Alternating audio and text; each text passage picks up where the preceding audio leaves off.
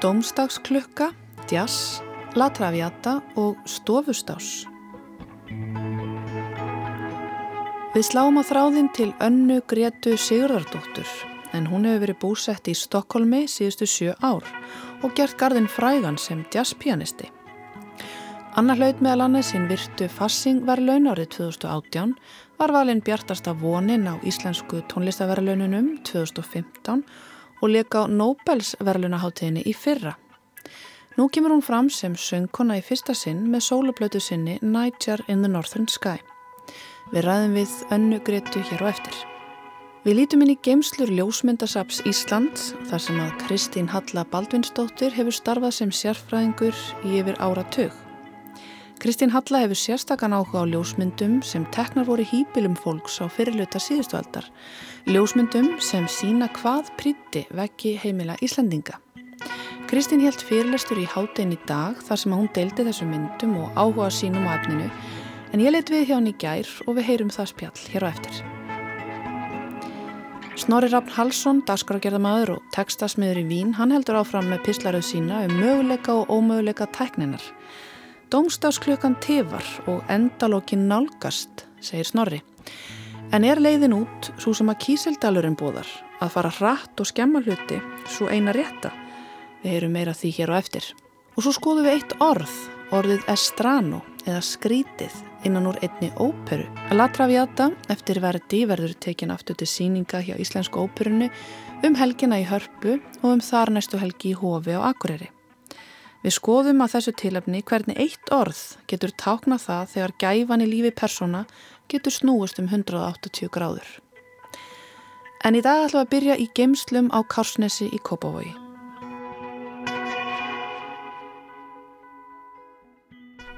Ég er stödd í geimslu sem að mjög, mjög skemmtilegt. Ég er að fara að grúska hérna með henni Kristínu Höllu Baldvinsdóttur.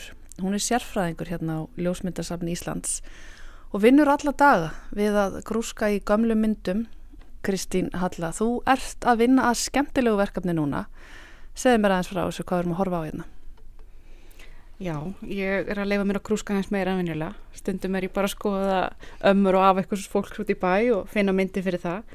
Núna leif ég mér að kafa þess dýbrin í myndinar. Ég er bara að tala um það hvað fólk var með á veggjónum heima hjá sér. Þetta er svona verkefni sem ég haft svona, að segja, kollinum svolítið lengi. Ég er búin að vera að vila mér myndum af myndum á veggjum fólks. Sagt, að kafa svolítið dýbra fyrir aftan fólkið sem er á myndinni ert ekki bara að skoða ljósmyndina sjálfa heldur hvað er að gerast á myndinni hvað er fólk að nota til að príða heimilisin með Emitt, bæði kannski málverk fjölskyldumyndinar og svo svona prent kannski einhver fjölfjöldunum eða eða alþjóðleg verk mm -hmm. sem fólk hefur hægt að vekja Þú ert búin að vera að þú er unni hér í meirin áratug og ert alltaf að skoða gamla myndir hvena byrjaður svona að hafa áhuga á þessu hvernig fólk vera að nota myndir inn á heimilunum sínum? Ég held ég hef alltaf hort á þetta. Ég horfið svolítið á myndir þannig ég sko svona skanna létt yfir þær auðvitað er það oftast næri þetta bara einn persóna myndinni eða eitthvað slíkt en ég er alltaf að skoða aðeins á bakvið sko. Mm -hmm. Mér finnst það svolítið að það er alltaf að finna eitthvað aðeins meira sko. Mm -hmm. Og hvaða tímabil eru að tala um? Þú ert hérna með heila möppu núna erum við að horfa á skjá, þetta eru auðvitað ekki bara kassar í dag, hérna erum við með tölvu skjái uh, hvaða tímabili er þetta sem þú ert að skoða? Sko ég er aðalega að skoða tímabilið frá svonum aldamátun 1900 og fram með við setna stríð. Það er bara út af því að sko ljósmyndatekning gá okkur ekki möguleika því að skyggnast inn í hýbili fólks fyrir en bæði flassi kom til sögunar og að það er því að mikið dagspyrta sko inn í rímónum. Það eru stórir gluggar í stástofum eða slíku. Já, svo ég er svona aðalega að skoða þann tíma. Við sjáum að þetta ljósmyndanir sko eh, eins og hér, þeir eru að notast við já, byrtu frá gluggum eða bara lýsinguna sem er til staðar í, í stofunni. Já, þeir eru mikið að gera það og setni tíma er náttúrulega að koma flöss en það er náttúrulega þegar þú ert í heimahúsi þá ert ekki að stilla upp stórum flössum eins og á ljósmyndastofu. Mm -hmm. Svo það eru kannski misvel tekna líka en, en þeir sem eru atvinnum menn, þeir kunna þetta. Mm -hmm. Og uh, hva, hverju hefur komið stað í þessu grúski? Segðu mig frá hérna sko, við komumst að því að fjölskylduvekkurinn er ekki nýra á nálinni. Það hefur verið svona tíðkasta fólk er að setja alla fjölskyldina sinni på vekk svona nýverið en, en þetta hefur alltaf verið til svona eftir að fólk fór að eignast þessar fjölskyldumindir. Við leila setja albúmið på vekk mm -hmm. og ég hef með nokkuð dæmi um það, fjölskylduvekki. Svo er ég með uh, nokkuð dæmi um sofamálverkið eins og það var kallað hérna þegar var ekki að síningi í listasafni Reykjavíku fyrir 20 árum síðan og það eru svona málverk sem að sína hann hvort nátturu eða, eða gömlu áttagana eða slíkt sko. Og svo er ég svolítið að, að tala um Jón Sigursson sem er svolítið fjallega með mannamyndasýningunni hjá okkur henni myndasalunum það eru þess að fjölfaldaða myndir og hann var í rauninni svona eh, ekki að segja áhrifavaldur en, en þetta voru fjölbreytta myndir af ástæðu. Þú veist það var verið að, að promotera hann. Mm -hmm. já. -hmm. Þannig að þetta eru svona, helst, svona megin þemun, þessi þrjú. Fjölskyldualbúmið, sófamálverkið og svo Jón Sigursson. Já, ég kem náttúrulega með eitthvað svona aðra kalla eins og, eins og Jónas Hallgrímsson og, og nefni svona sérstakar ramma og við svona grúskum en ég ætla nú bara að hafa þetta svona mestuleiti þannig að fyrirlestur um sko spjall um myndirnar. Mm -hmm. Það hendar mér best að, mm -hmm. að tala um það sem ég hef áhuga á og, og brenn fyrir mm -hmm. og hvað við getum séð sem eitthvað kúriósa mm -hmm. Segð mér frá þessu sófamálverki. Hvernig hérna kemur það fyrir? Hvaða höfundur var að sjá? Er þetta prent, er þetta málverk? Er þetta íslenskt, er þetta erlend hvað voru Íslandikar þessum árum að hengja upp fyrir ofan sófasetti sitt? Hér horfum við nú á Íslensk landslag eða ekki? Jú, þetta er Íslensk landslag fólk var náttúrulega mikið smátti að efna okkur, það var með kjarval fyrir sofan sko, en þetta er ákveðið tímabil held ég sko að ég sé það svolítið að þetta er ekkit fyrir þannig upp úr svona 1910-20 sem þetta byrjar. Og svo eikst þetta greinilega mikið þegar fólk verið að flytja á mölina svo kallaða og þess það er að hafa gamla bæin, gamla fjallið fyrir ofan sig, það er eitthvað svona eitthvað hughrif. Og svo hef ég spurt mig að því að sko við erum að horfa þá þróan kannski í dag að fólk er hægt að vera með stór málurkronan sófan sinna því að sjónvarpið er bara móti sófanum og það er, það er fjölskyttan eru við ekki að tala um svolítið meiri svona skengmálverk í dag mm, ég held það, ég held við séum svolítið flutt þanga sko. en þetta er í rauninni sko þessi tenging við eh, eitthvað sem að þú hefur og þetta er mjög mikið þingvellir Mm -hmm. þetta er eitthvað svona, þetta er bæði svona eitthvað svona sveitaromantík en mhm. líka eitthvað svona þjóðverðnishyggja sem Akkurat. kýtlar fólk svolítið í þessu Akkurat sveitin heima. Ég mitt, þetta er svolítið sveitin heima. Þarna sjáum við uh, Akureyri, er það ekki? Jú, hérna sjáum við, hérna, hér hefur sófamálverkið verið Akureyri, Eirin sjálf og, og Kertling, tindurinn fyrir aftan mm -hmm. og þetta er nokkið volið vel tekin mynda því hún er tekin hérna móti glugga en, en, en samt svolítið skemmtileg sko. Mist hún afskaplega falleg og sérstaklega kannski vegna þess hvað byrtan er skrítin. Nú náttúrulega vita hlustendur ekkert um hvað er að tala, þeir verða bara að horfa fyrirlusturinn. Einmitt. En hann hérna verður, hann verður streymt á YouTube svo fólk getur horta á þetta og eftir, eftir á. Já, en talandum sko þessi fjölskyldalbum, hvernig, þú talar um að sko þessi ennþá hefð fyrir því að, að sko fólki opni albuminn eða hengi þau upp á vegg í römmum. Er það svo ennþá? Er þetta Er þetta ekki pínu horfið eftir stafrænuteknina? Er ekki fólk bara með myndir í tölvunum í dag? Hvernig, hvernig er það? Um, ég ætla að segja að albúmi sé heila dáið. Ég ætla að segja það. Mm. Ég ætla að segja að sko, fólk velur sér frekar einhverjar ákveðna myndir af einhverjum eins og brúðkaupstakan og börnin lítil og allt þetta og ammo afi og eitthvað og hengir það upp á vegg. Og það er orðið albúmið. Mm. Svo jú, fólk hengir eitthvað upp á vegg en það er mjög selektíft á hvaða hengir upp á vegg mm. í dag. -hmm og jú, á mestu leytir þetta stafrænt en þetta er líka gríðalegt magn í dag með það sem fólk átti áður fyrr fólk átti ekki það mikið að mynda það átti mm -hmm. kannski bara myndir í eitt svona albúm eins og við erum með hér hérna á mhm. borðinu mm -hmm. fólk var bara með einhverja kannski átti 20-30 myndir og þetta var hluti af stofustásun mm -hmm. albúmið sko Ég var nú bara að segja, ég saknaðist aldrei að hérna kom í heimsóti fólks og þú veist að geta handfjalla myndirna svona eins og við erum að horfa hérna á þetta óbóðslega fallega albúm sem er einmitt með silfurskjöld framan á. Þetta er allt annar fílingur heldur en að sjá þess að stafrænu ramma til dæmis á borðinu hjá fólki eða, eða bara horfa í tölvuskjá. Þetta þetta er allt annað. Og líka bara þessi virðing sem borin var fyrir ljósmyndin hún skýn svo í gegn og öllum þessum myndum. Algjörlega þetta var ákveðin virðing og þetta var eins og segi svona algjör stofustást því að fólk var að fletta þess og var að nýta þetta og þetta voru minningar, þetta voru minningar þess mm -hmm. en það er ennlega líka við það sem er innramað að það var sett, þú veist, ákveðin svona sess, Mhm. það hafði ákveðin sess hjá fólki. En ég minna talandi um stafræna tekni, þetta eru bara fjölskylduhalbúin eiginlega bara á, á netun í dag. Jú, jú, það er víst, það eru eiginlega kannski aðalega bara á Instagram eða Facebook, sko, því að svo vonar maður bara skýið haldi, sko, hérna, stipi ykkur í skýjum. En uh, talandi um hérna Instagram og Facebook, ljósmyndasafnið er að deila alltaf myndum daglega á Instagram eða ekki? Jú, við erum Instagram síðu, Ljósmyndasafn Íslands og þar deilum við mynd okkur um einstadegi og við reynum svona að velja bæði í tíma og rúmi sem flestum stöðum af landinu og, og flesta tegundir af myndum og reynum að fara við það í tíma. Og er nú alveg bara þetta skemmtina gert fyrir fólk að Mhm. fá að sjá hvað við höfum hérna tæplega 8 miljónu mynda svo að það er ímsa móða. Við erum alltaf að keppast við að reyna að opna meira út á vefinn, til dæmis skráningar fórötu okkar sarpur.ri sem fólk nota mikið til þess að grúska um bara sína ættingja og slíkt og hérna já, við skulum segja það að ég kannski sé bara velja úr þeir sem ég hef og í höndunum hverju sinni. En það er alltaf gaman þegar eitthvað nýtt dukkar upp. Nú ertu búin að starfa hérna í meirin áratug, ég ætlaði að mynda að spyrja, er þetta alltaf gaman? Er þetta alltaf þessi, færðu alltaf þetta kýll, bara ég kannski finn ég fjársjóð í dag? já, hver einasti kassi. Það er alltaf eitthvað gull. Það er eiginlega alltaf þannig Hvernig endaður í þessu starfi? Það er góð spurning. Eitt lit af öðru, ég hérna, er mentaði forðlega í grunninn og, hérna, og er svona grúskara eðli mínu og, og safnari líka kannski má segja. En hérna, mér var eiginlega bara keift á góðu fólki á rétta staði, skulum við segja. Og, og minn helsti lærifæðir Inga Lára Baldansdóttir bara hefur alltaf stað, staðið við baki á mér og, og kent mér ótrúlega margt. Svo hérna, já, henni mjög mikið að þakka. En hérna, þetta er bara úfsalega áhugaverð starf og maður vil alls ekki sleppa því. Ég fekk ein, einmitt einu svona grúska hérna í geimslinu með Ingu Láru, það var mjög skemmtilegt. Þú ert eiginlega, þetta er nú hálfgerð svona forlega fræði að grúska hér, er það ekki?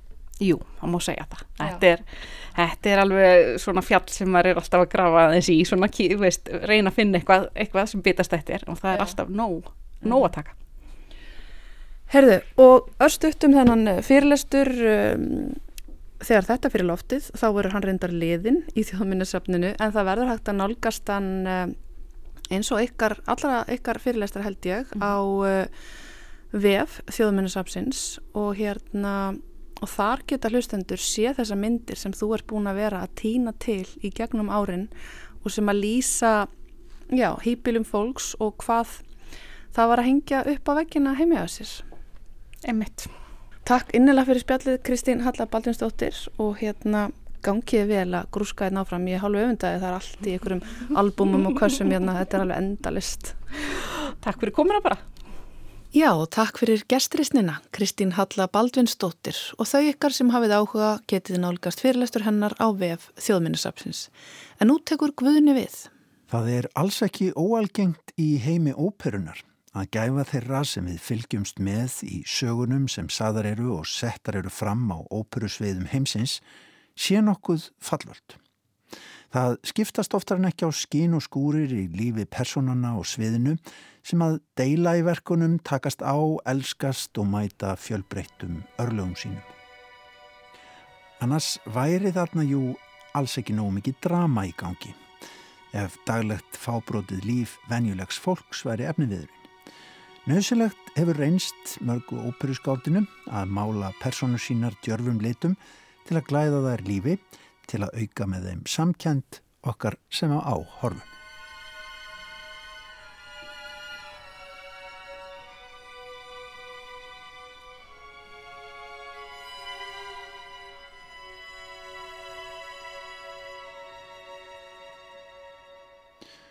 Og við einmitt þetta var ítalska óperutónskaldið, ítalski óperurísin Giuseppe Verdi, nokkuð lungin.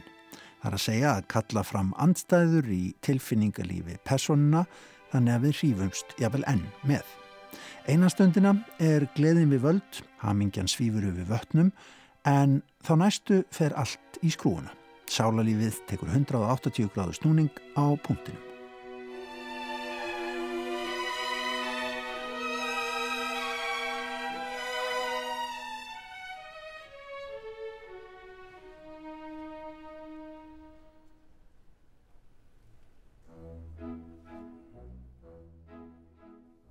Í þessu sambandi má vel skoða vinsælustu óperu tónskálsins og eitthvað allra vinsælasta verk óperubókmyndana yfir höfuð. Óperuna La Traviata sem frumsýnd var í óperuhúsinu í Feneum, La Fenice, 7. mars árið 1853. En við sköpun verksins var verdi innblásinn af leikritinu um Kamilíufrúna sem franska leikskaldið Alexandre Dumas yngri hafiði samið og frumsýnd fimm árum áður en að verdi frumsýndi sína óperu. Leikritið naut mikill að vinsælda viða um Evrópu á þessum tíma.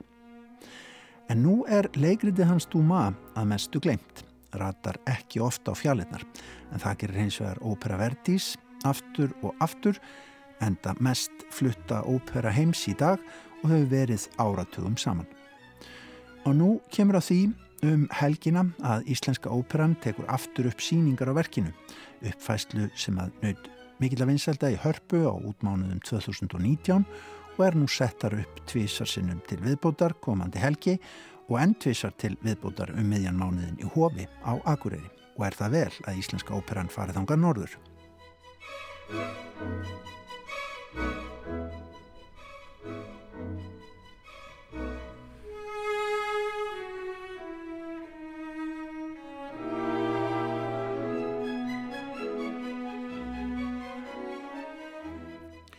Já, það er gleðinar fólk sem við fylgjumst með í La Traviata. En jú, og þetta vita svo sem allir frá upphafi nánast, þá knúa örlaugin dýra. Alfredo og Violettu, aðalpersonum verksins, er ekki ætlað að vera lengi saman. Það eru örlega norðnirnar nokkuð vissar um.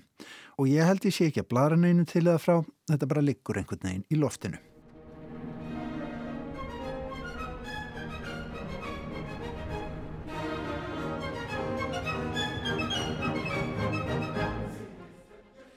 Í upphafi verksins erum við stödd í París, í veistlu í svo kvöldum salon þar í borg, þar sem ung kona, Violetta Valeri, kann svo sannarlega að halda gott parti. Og þanga kemur líka ungur herramaður úr sveitinni sem lengi hefur dáðst að ungfrúni og haft áhyggjur af helsufæri hennar, sem er full ástæða til kemur ljós. Trátt fyrir að lítið skíni í þau helsufars vandamál á meðan gleðin stendur sem hæst og það er sungið fyrir gleðinni og það er sungið fyrir ástinni.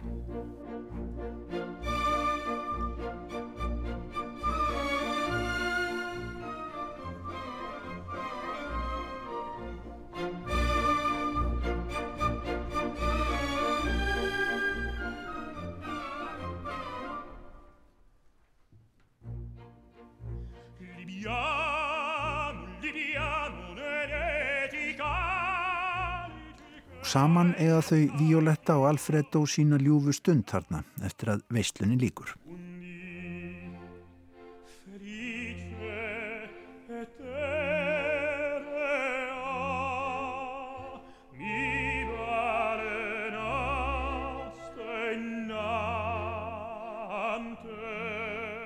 En hún vil síðan að Alfredo yfirgefi sig en gefur honum blóm að skilnaði og þá er eins og allt snúist í verkinu, nánast á einum punkti, nánast í einu orði, þessu orði hér.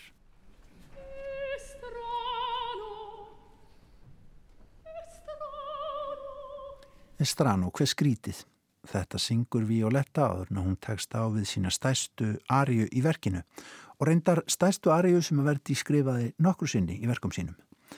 Þar veldur hún fyrir sér hvort Alfredo kunni að vera sá eini sanni í sínu lífi en enda reyndar þá Arju á því að fullvisa sig um það að hún kjósi frekar frelsið, vilja ekkert með unga mannin gera sem að ennstendur fyrir utan glukkan hennar og syngur. En það er þetta orð þarna, skrítið, strano, sem er svo magþrungið í þessari óperu. Þar skín fyrst fyrir alvöru í þau veikindi sem að hrjá violettu. Það var eins og gæfan snúist í 180 gráður og áhörandin fær sterklega á tilfinninguna að þetta fari ekki vel. Og þessi orð, estrano, hver skrítið, sem eru eins og formáli að þeirri miklu arju sem Violetta er að fara að deila með okkur áhörandum, fjalla einhvern veginn bæði um það hver hissa hún er á því að mögulega hafi þessi ungi maður smegt sér inn í lífennar, smógrað sér inn í hjartaðinnar og hins vegar eru þau eins og fyrirbóði, fyrirbóði um íllan endi. Það er bara eitthvað í hljómfalli orðana eða orðsins sem hefur þessi áhrif.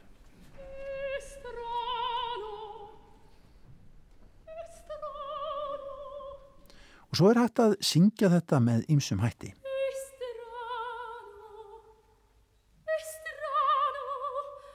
Hér var það til dæmis Ílena Kortúbas sem að söng á frægri upptöku, híkandi og barnslega. Og hér kýrti Kanava.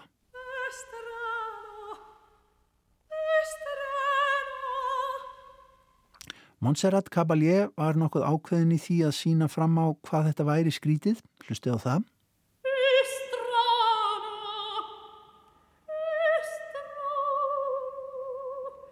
Díana Damrá var hins vegar einhvern veginn ekki nægilega upptekin af því hvað sér fyndist þetta eitthvað skrítið.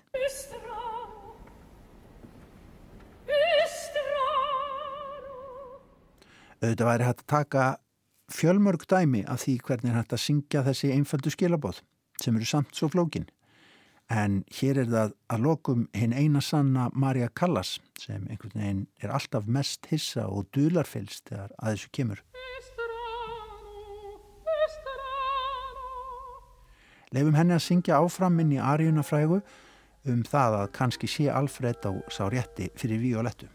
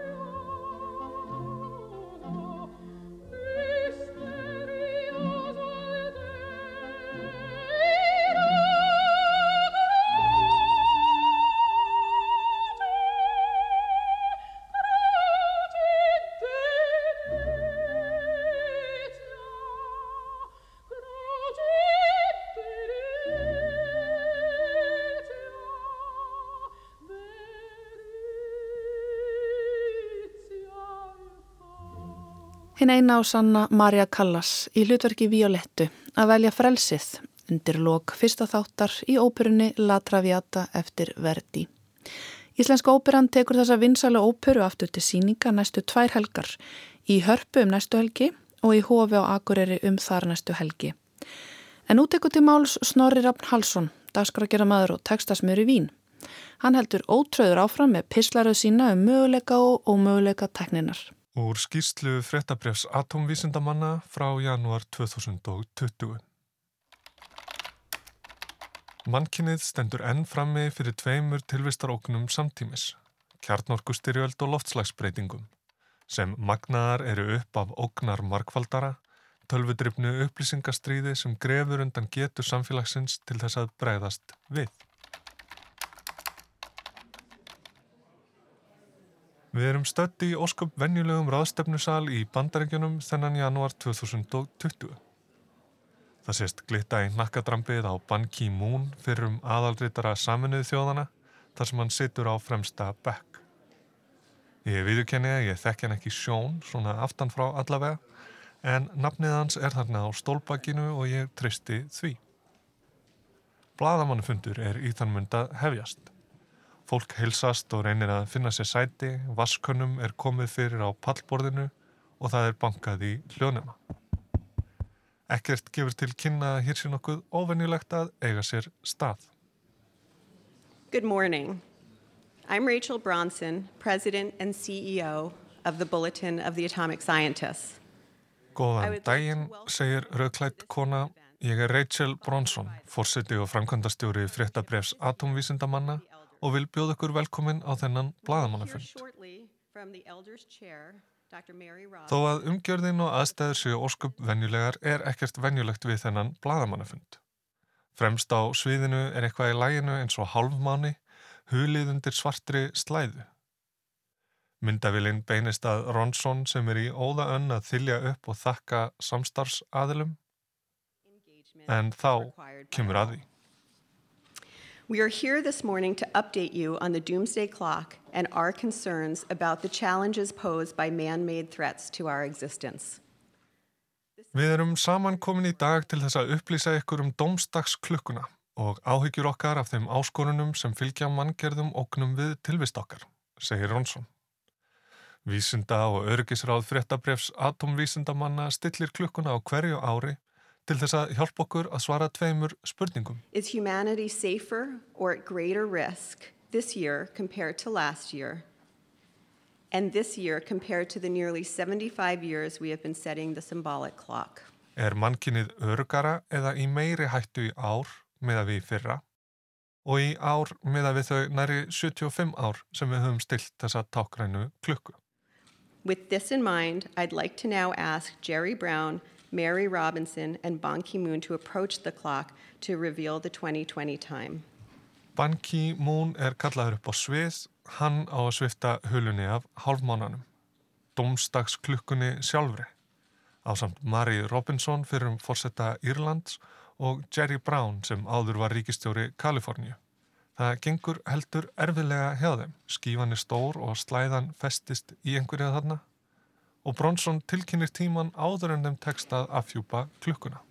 Today, the Bulletin of the Atomic Scientist moves the hands of the Doomsday Clock. It is 100 seconds to midnight. Það eru 100 sekundur í miðnætti. Þetta er há-ó-dramatíst. Ég veit ekki hverju ég bjóst við, en það er eins og þau veit ekki hvernig þau eiga að haga sér. Líklega vanar því að tilkynna eitthvað annað en að þér virðist óhjákvæmulega tortímingu heimsins. Finna sig líklega betur í að afhjúpa minnisvarða, segja frá áætlinum, tilkynna að einhver áfangi hafi náðst. Og þá fagnar fólk, klappar í það minsta, en hér er ekkert lofatak. Þau standa bara þarna og láta taka af sér myndir. Jerry Brown niðurlútur en stóiskur og svip eins og meðhjálpari í útför. Myndavela smellir fylla upp í þögnina sem annars er áþrjámanleg. Mannkinnið hefur aldrei verið nær tortímingu og þetta eru viðbröðin. Tíminn er naumur og eitthvað þarf til bræðs að taka. Við vitum þetta svo sem alveg.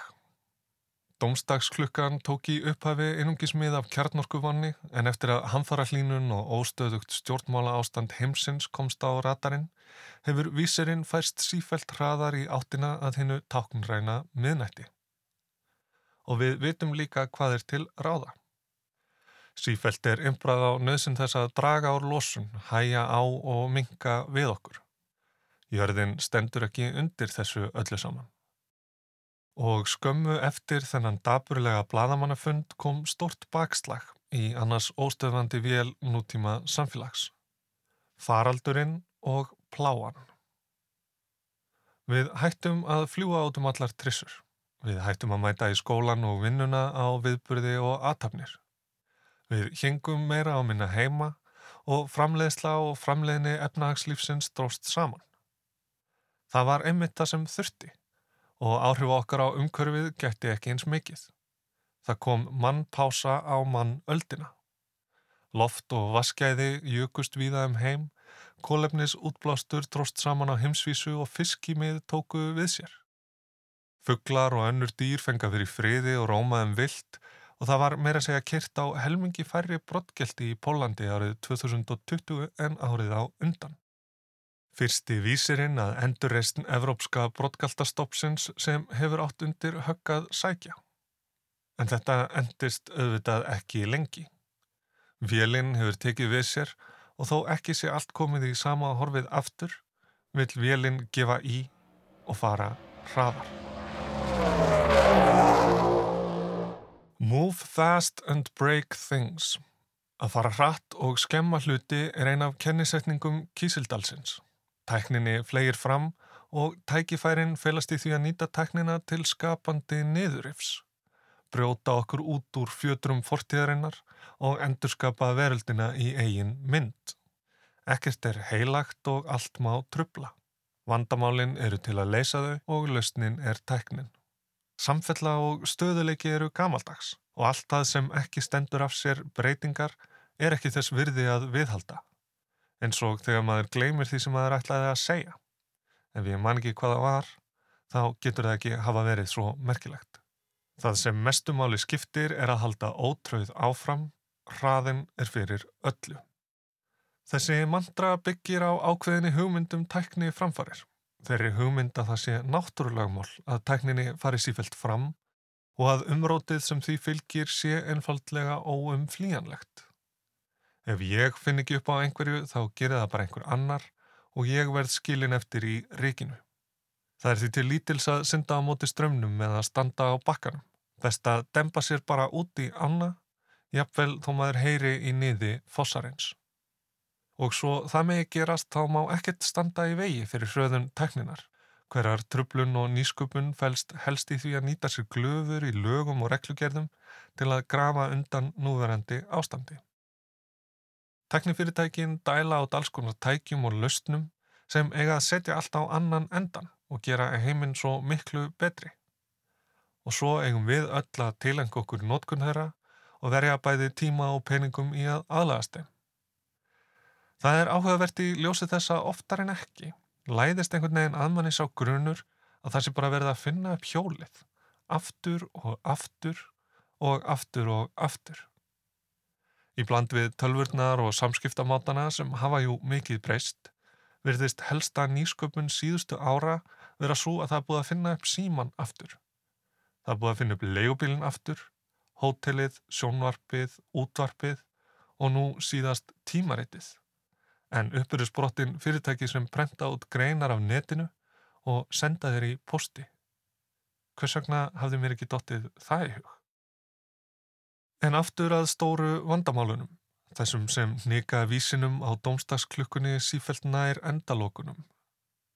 Hvað hefur skapandi niðurif og það að fara hratt og skemma hluti með þau að gera?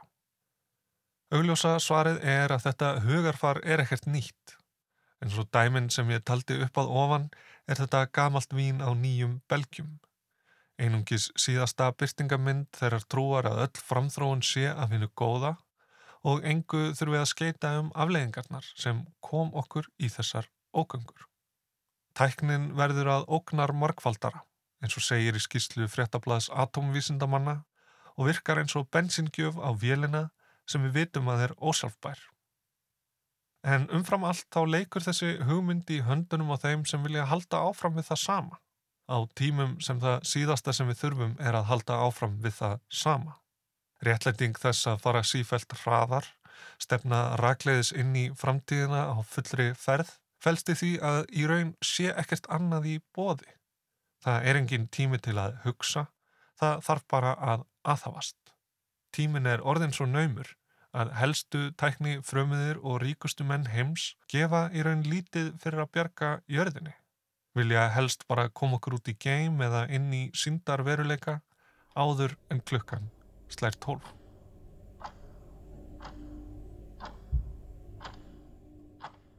En nú þegar klukkan er ennþá hundrað sekundur í miðnætti og tíminn er naumur, er kannski einmitt tíminn til að halda ekki bara ótröð áfram.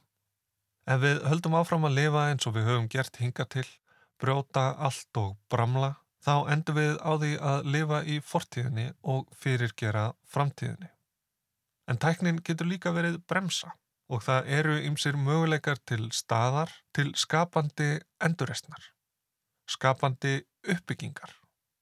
Við nýttum tíman í mannpásunni á mannöldinni til að endurhugsa vinnu, endurhugsa ferðalög, endurhugsa hvernig við tengjumst fólkinu í kringum okkur. Þrátt fyrir óðagotið og óvissuna sem fyllt hefur faraldrinum held ég einmitt að við höfum eitt tækifærin sem felast í því að fara hægt og laga hluti. Við þurfum að halda því áfram, því klukkan tefar og tíminn er naumur.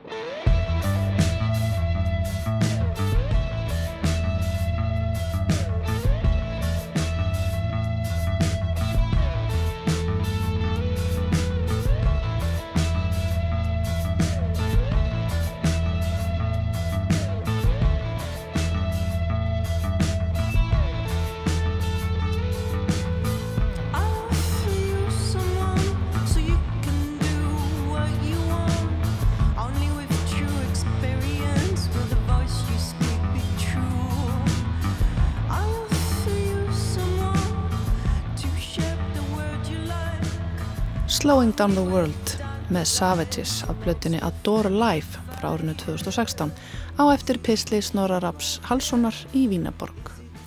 En úr bresku síðpöngi förum við yfir í jazzin. Anna Greta Sigurdóttir, hún hefur verið búsett í Stokkólmi síðisliðin ár og gert gardinn frægan sem jazzpianisti. Anna hefur lótið fjöldaverluna fyrir störf sín og hún leik meðal annars á Nobelsverlunaháttíðinni í fyrra og hún kemur nú fram sem söngkona í fyrsta sinn með nýja sólaplötu. Þorgerður Ása Aðarsteinsdóttir sló á þráðun til önnugreitu út í Svíþjóð. Það var alveg sletta fólki sko því ég nefnilega heyrði fyrir mig svolítið svona á mismunandi lögum, mismunandi fólk. Ég var með tvo mismunandi bassaleikara, tvo mismunandi trommuleikara og mér langaði svolítið svona að pródusera hvers lag fyrir sig og svona geta lift fram, þú veist, einhvern veginn mismunandi personleikum á á mismandi lögum.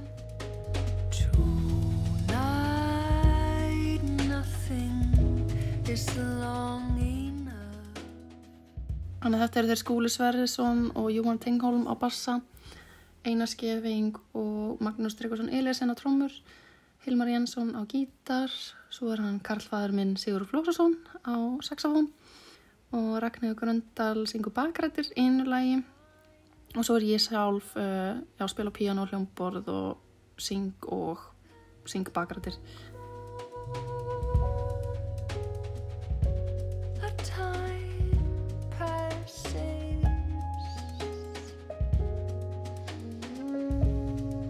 þannig þetta er í rauninu svona mín debut plata sko. Og já, fyrsta útgáðan sem ég er svona alveg sjálf með og jafnframt fyrsta skipti sem að ég kem fram sem söngkona á plötu. Já, ef frá er talið sko þegar ég var hérna bak, söng bakarættirinn á jólaplötu bjarni, rakka bjarni þegar ég var í sjöndabæk. Já, það er nú ekkert slór. Nei, nei, nei, nei, nei. en þú ert nú líka vöna að spila undir hjá, hjá öðrum söngvurum.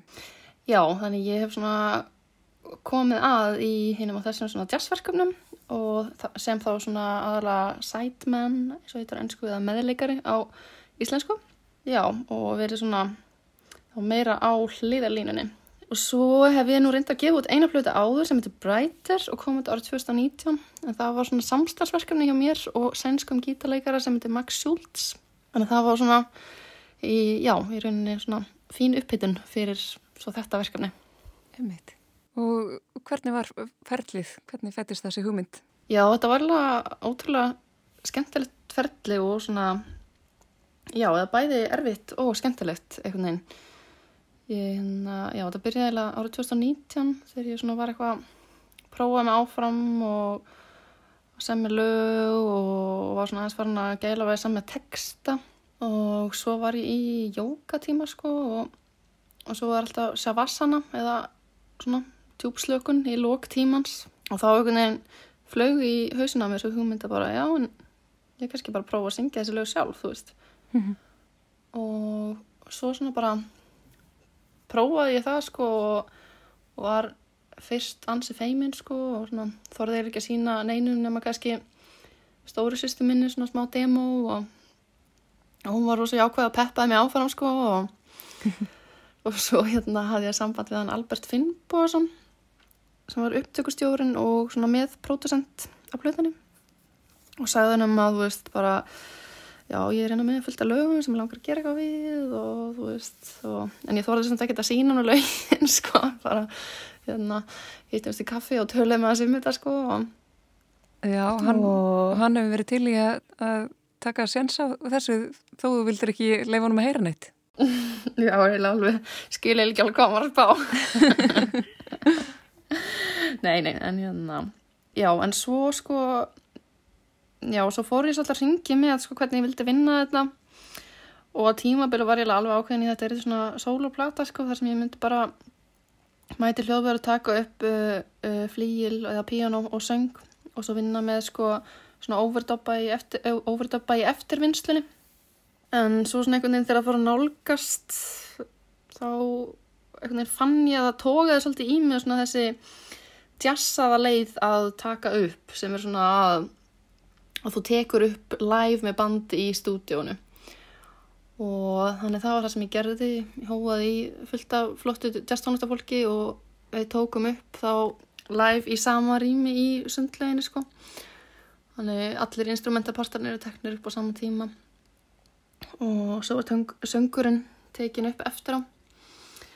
En já, en ég, svo held ég einmitt sko að ég myndi ná að taka upp allan söngin bara einu degi sko í sundleginu daginn eftir og vorum búin að taka upp alla instrumentalpartana.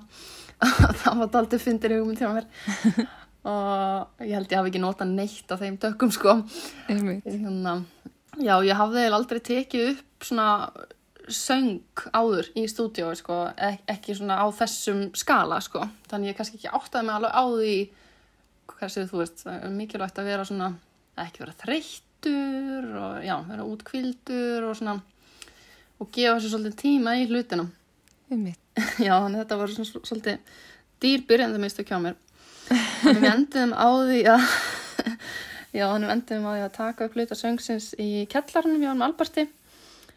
Og, og svo tók ég upp hluta líka hérna í íbúðunum minni í Stokkólu Já Þannig að það var, já, mér var það svolítið skemmtilega að geta blanda saman sko þá bæði þessu svona að þú varst að taka upp live með jazzbandi í stúdíónu og svo svo vera að vinna söngin svona eftir á, þú veist, og geta þá meira að pródusera það, skiluru og og líka svona þægilegt einhvern veginn að vera heima hjá sér í sínu, sínu örg og umhverfi einhvern veginn og svona.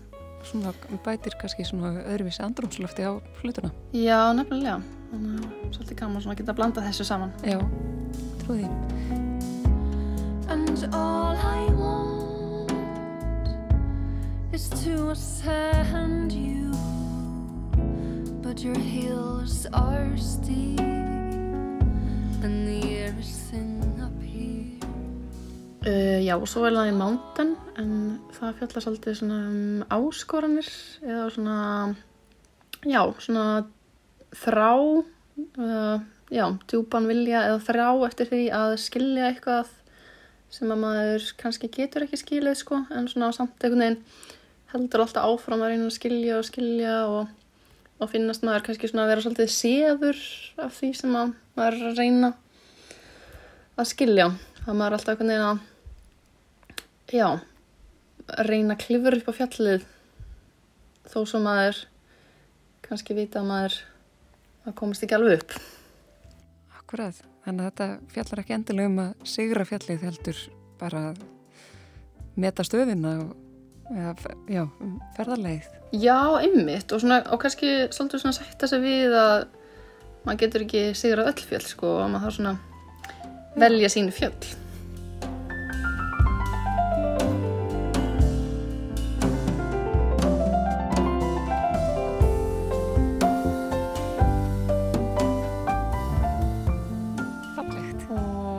Já, og svolítið svona, svona eins og leitina ástinni kannski. Já. Svona einhvern veginn getur verið það svona minnsta á von á. Algjörlega. En það eru fleiri yrkisefni á plötunni heldur en bara ástinn, þó hún sé nú ekkert, ekkert bara. Eitt lagið fjallar til dæmis um andvöku. Já, ymmit, það er lagi Sleepless en ég hef alveg frá því mann eftir mér átt mjög erfitt með svefn og hérna já, bara einhvern veginn aldrei vilja að sopna eiginlega og svona átt erfitt með að einhvern veginn uh, já, já, bara átt erfitt með að sopna einfallega og þannig lagi snýst alltaf um þetta að maður einhvern veginn liggur þarna og er að horfa upp í loftið og, og svo fyrir hausin í gang og maður endar í ykkur og fyrir að hugsa um mikið eða svo, eða svo hugsa maður ekki neitt og alveg tómur í hausnum og svona. Já, þetta er svona einhvern veginn skrítna ástand sem maður er í þegar maður er svona kannski döð þreyttur rúmunu en getur samt ekki veit það er, það er nú gott að koma eitthvað gott út úr því ástandi sem að hlýtur að vera mjög þreytandi oft. Já, einmitt. Akkurat, það á maður að segja það þannig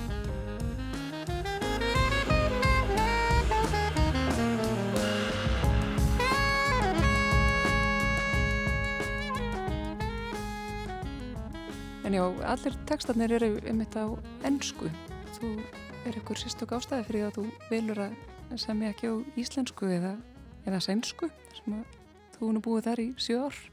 Já, ég mitt velti þessu svolítið fyrir mér sko því já, íslenska og sænska eru svona þau tungumál sem ég nota og, og en já, ég enda á því að, að velja ennska því að ég er með svona svolítið mátilega fjarlæðið en einhvern veginn.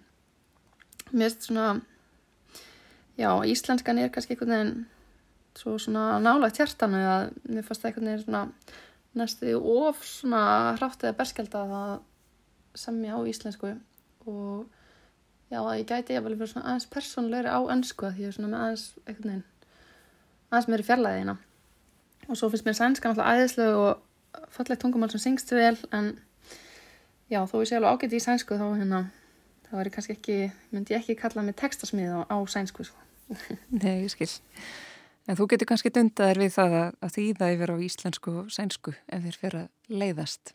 En ég held nú að séu litlar, ég held nú að séu litlar líkur á því. Það virðst vera nóg að gera hjá þér. Það er nóg framöndan. Já, og þetta haust er búið að vera alveg, búið að vera bara brjá, fullt að gera sko. Já, eða bara brjálega að gera, eins og maður segir. Mm -hmm. Þannig að það er svona eins og öll verkefni sem að voru sko átt að gerast fyrir COVID eða undir COVID eitthvað en allt í hennu kom sprenging núna alltaf, þú veist, alltaf keirast í gang. Að það hefur sjálf að verið mikið að gera hjá mér í frílansverkefnum og, og þannig mánuðin sem er alltaf bara, bara frábært en maður er ekki alveg eitthvað neginn maður er ekki alveg komin í gang, maður var svolítið búin að vennjast þessu svona, þessum róliheitum sko og svona Það var bara eitt að Já, einmitt. Bara svona eitt að gerast á hverjum degi, þú veist, á mánudagin þá er ég með þottatíma og svo þriðjudagin fyrir ég gungutúr og svona. Já, þetta er svona eitt í einu mentalitet, sko. Það er einhvern veginn ekki alveg í gangin núna. Einmitt. ég skil. Já.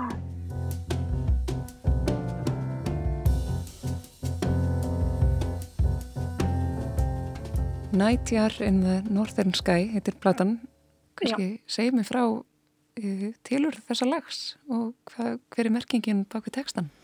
Já, þannig ég samti þetta lag sko eftir að hafa eitt tölurverðin tíma á Gótlandi sem er svona eiga melli Svíþjóður og Finnlands og, og þar fekk ég svolítið svona kynast heimi fugglaskoðunar. Já. Já, svona kærastur minn er mikill fugglaskoðari og ég er svona meira svona áhuga mannskja og og við skaman að, hanga með sko.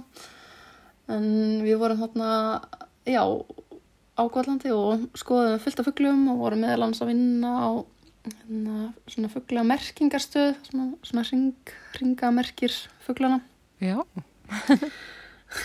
Já og Já, og svo fekk ég sér að sjá þennan fuggl nætjar eða náttfara eins og það hittir íslensku, mér finnst það svo fallegt orð náttfari. Mm -hmm. En þetta er svo satt sjálfsýður fuggl og Íslandi hefur hann sérst bara nokkur í sinnum, hvort það er, já, þrjusar og fjóri sinnum. Og í Svíþjóð er hægt að sjá hann en þetta er svona, uh, já, sjálfsýð. En lægi snýst alltaf um uh, leitin að einhver sérstöku. En náttfaran er svona, já, það er svona, það er algengast að sjá hann sko sitja í tri eða fela sér runna. En, já, meðan minna algengt að sjá hann um mitt fljúa á himnunum þannig að þetta er svolítið svona já, um það að einhvern veginn reyna að finna svona þetta eitthvað sérstætt moment. Einmitt, þetta einstaka. Já, þetta einstaka. Og, og svo líka svolítið svona inspirerað eftir ég las mér til um hérna ekipsku, ekipska náttfaran. Já, og það er sagt einn, einn variant af þessu, þessu fuggli Nightjar uh, frá Egyptalandi og sem, að, sem hefur sérst í Svíþjóða einu sinni árið 1972 einmitt á Gótlandi og, og þetta er svona svolítið stór svona þetta var svolítið svona stórst ívend einhvern veginn í fugglaskoðunar heiminum og margir sem uh, þekkja til þess og hafa hýrst um þetta, um þennan litla fuggl sko. Og hann heitir svolítið svona um það að þú veist já, einhvern veginn, einhvern veginn svona lítill fuggl, þú veist, ratar út af leið og lendir einhver staðar og verður til eitthvað þar og eitthvað svona saga í kringum það, þetta er svona já, líka svona þetta er smá, þessar litlu tilvélinir verða að einhverju stærra, skilur einmitt. Takk kærlega fyrir spjallið Anna Greta Sigurðardóttir.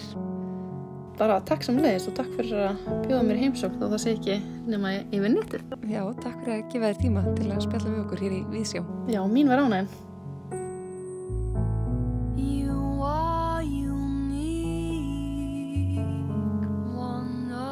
Lægið Nightjar in the Northern Sky. Titilag ný útkominar plötu Önnu Gretu Sigurðardóttir. Og hér látum við staðarinnum í dag Takk fyrir að lusta og verið sæl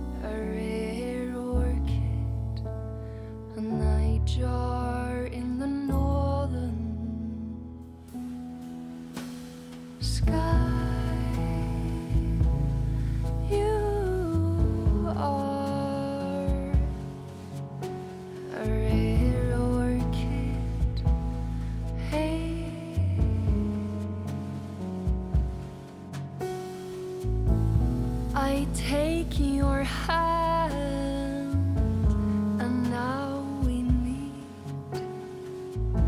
This time I see what's meant to be.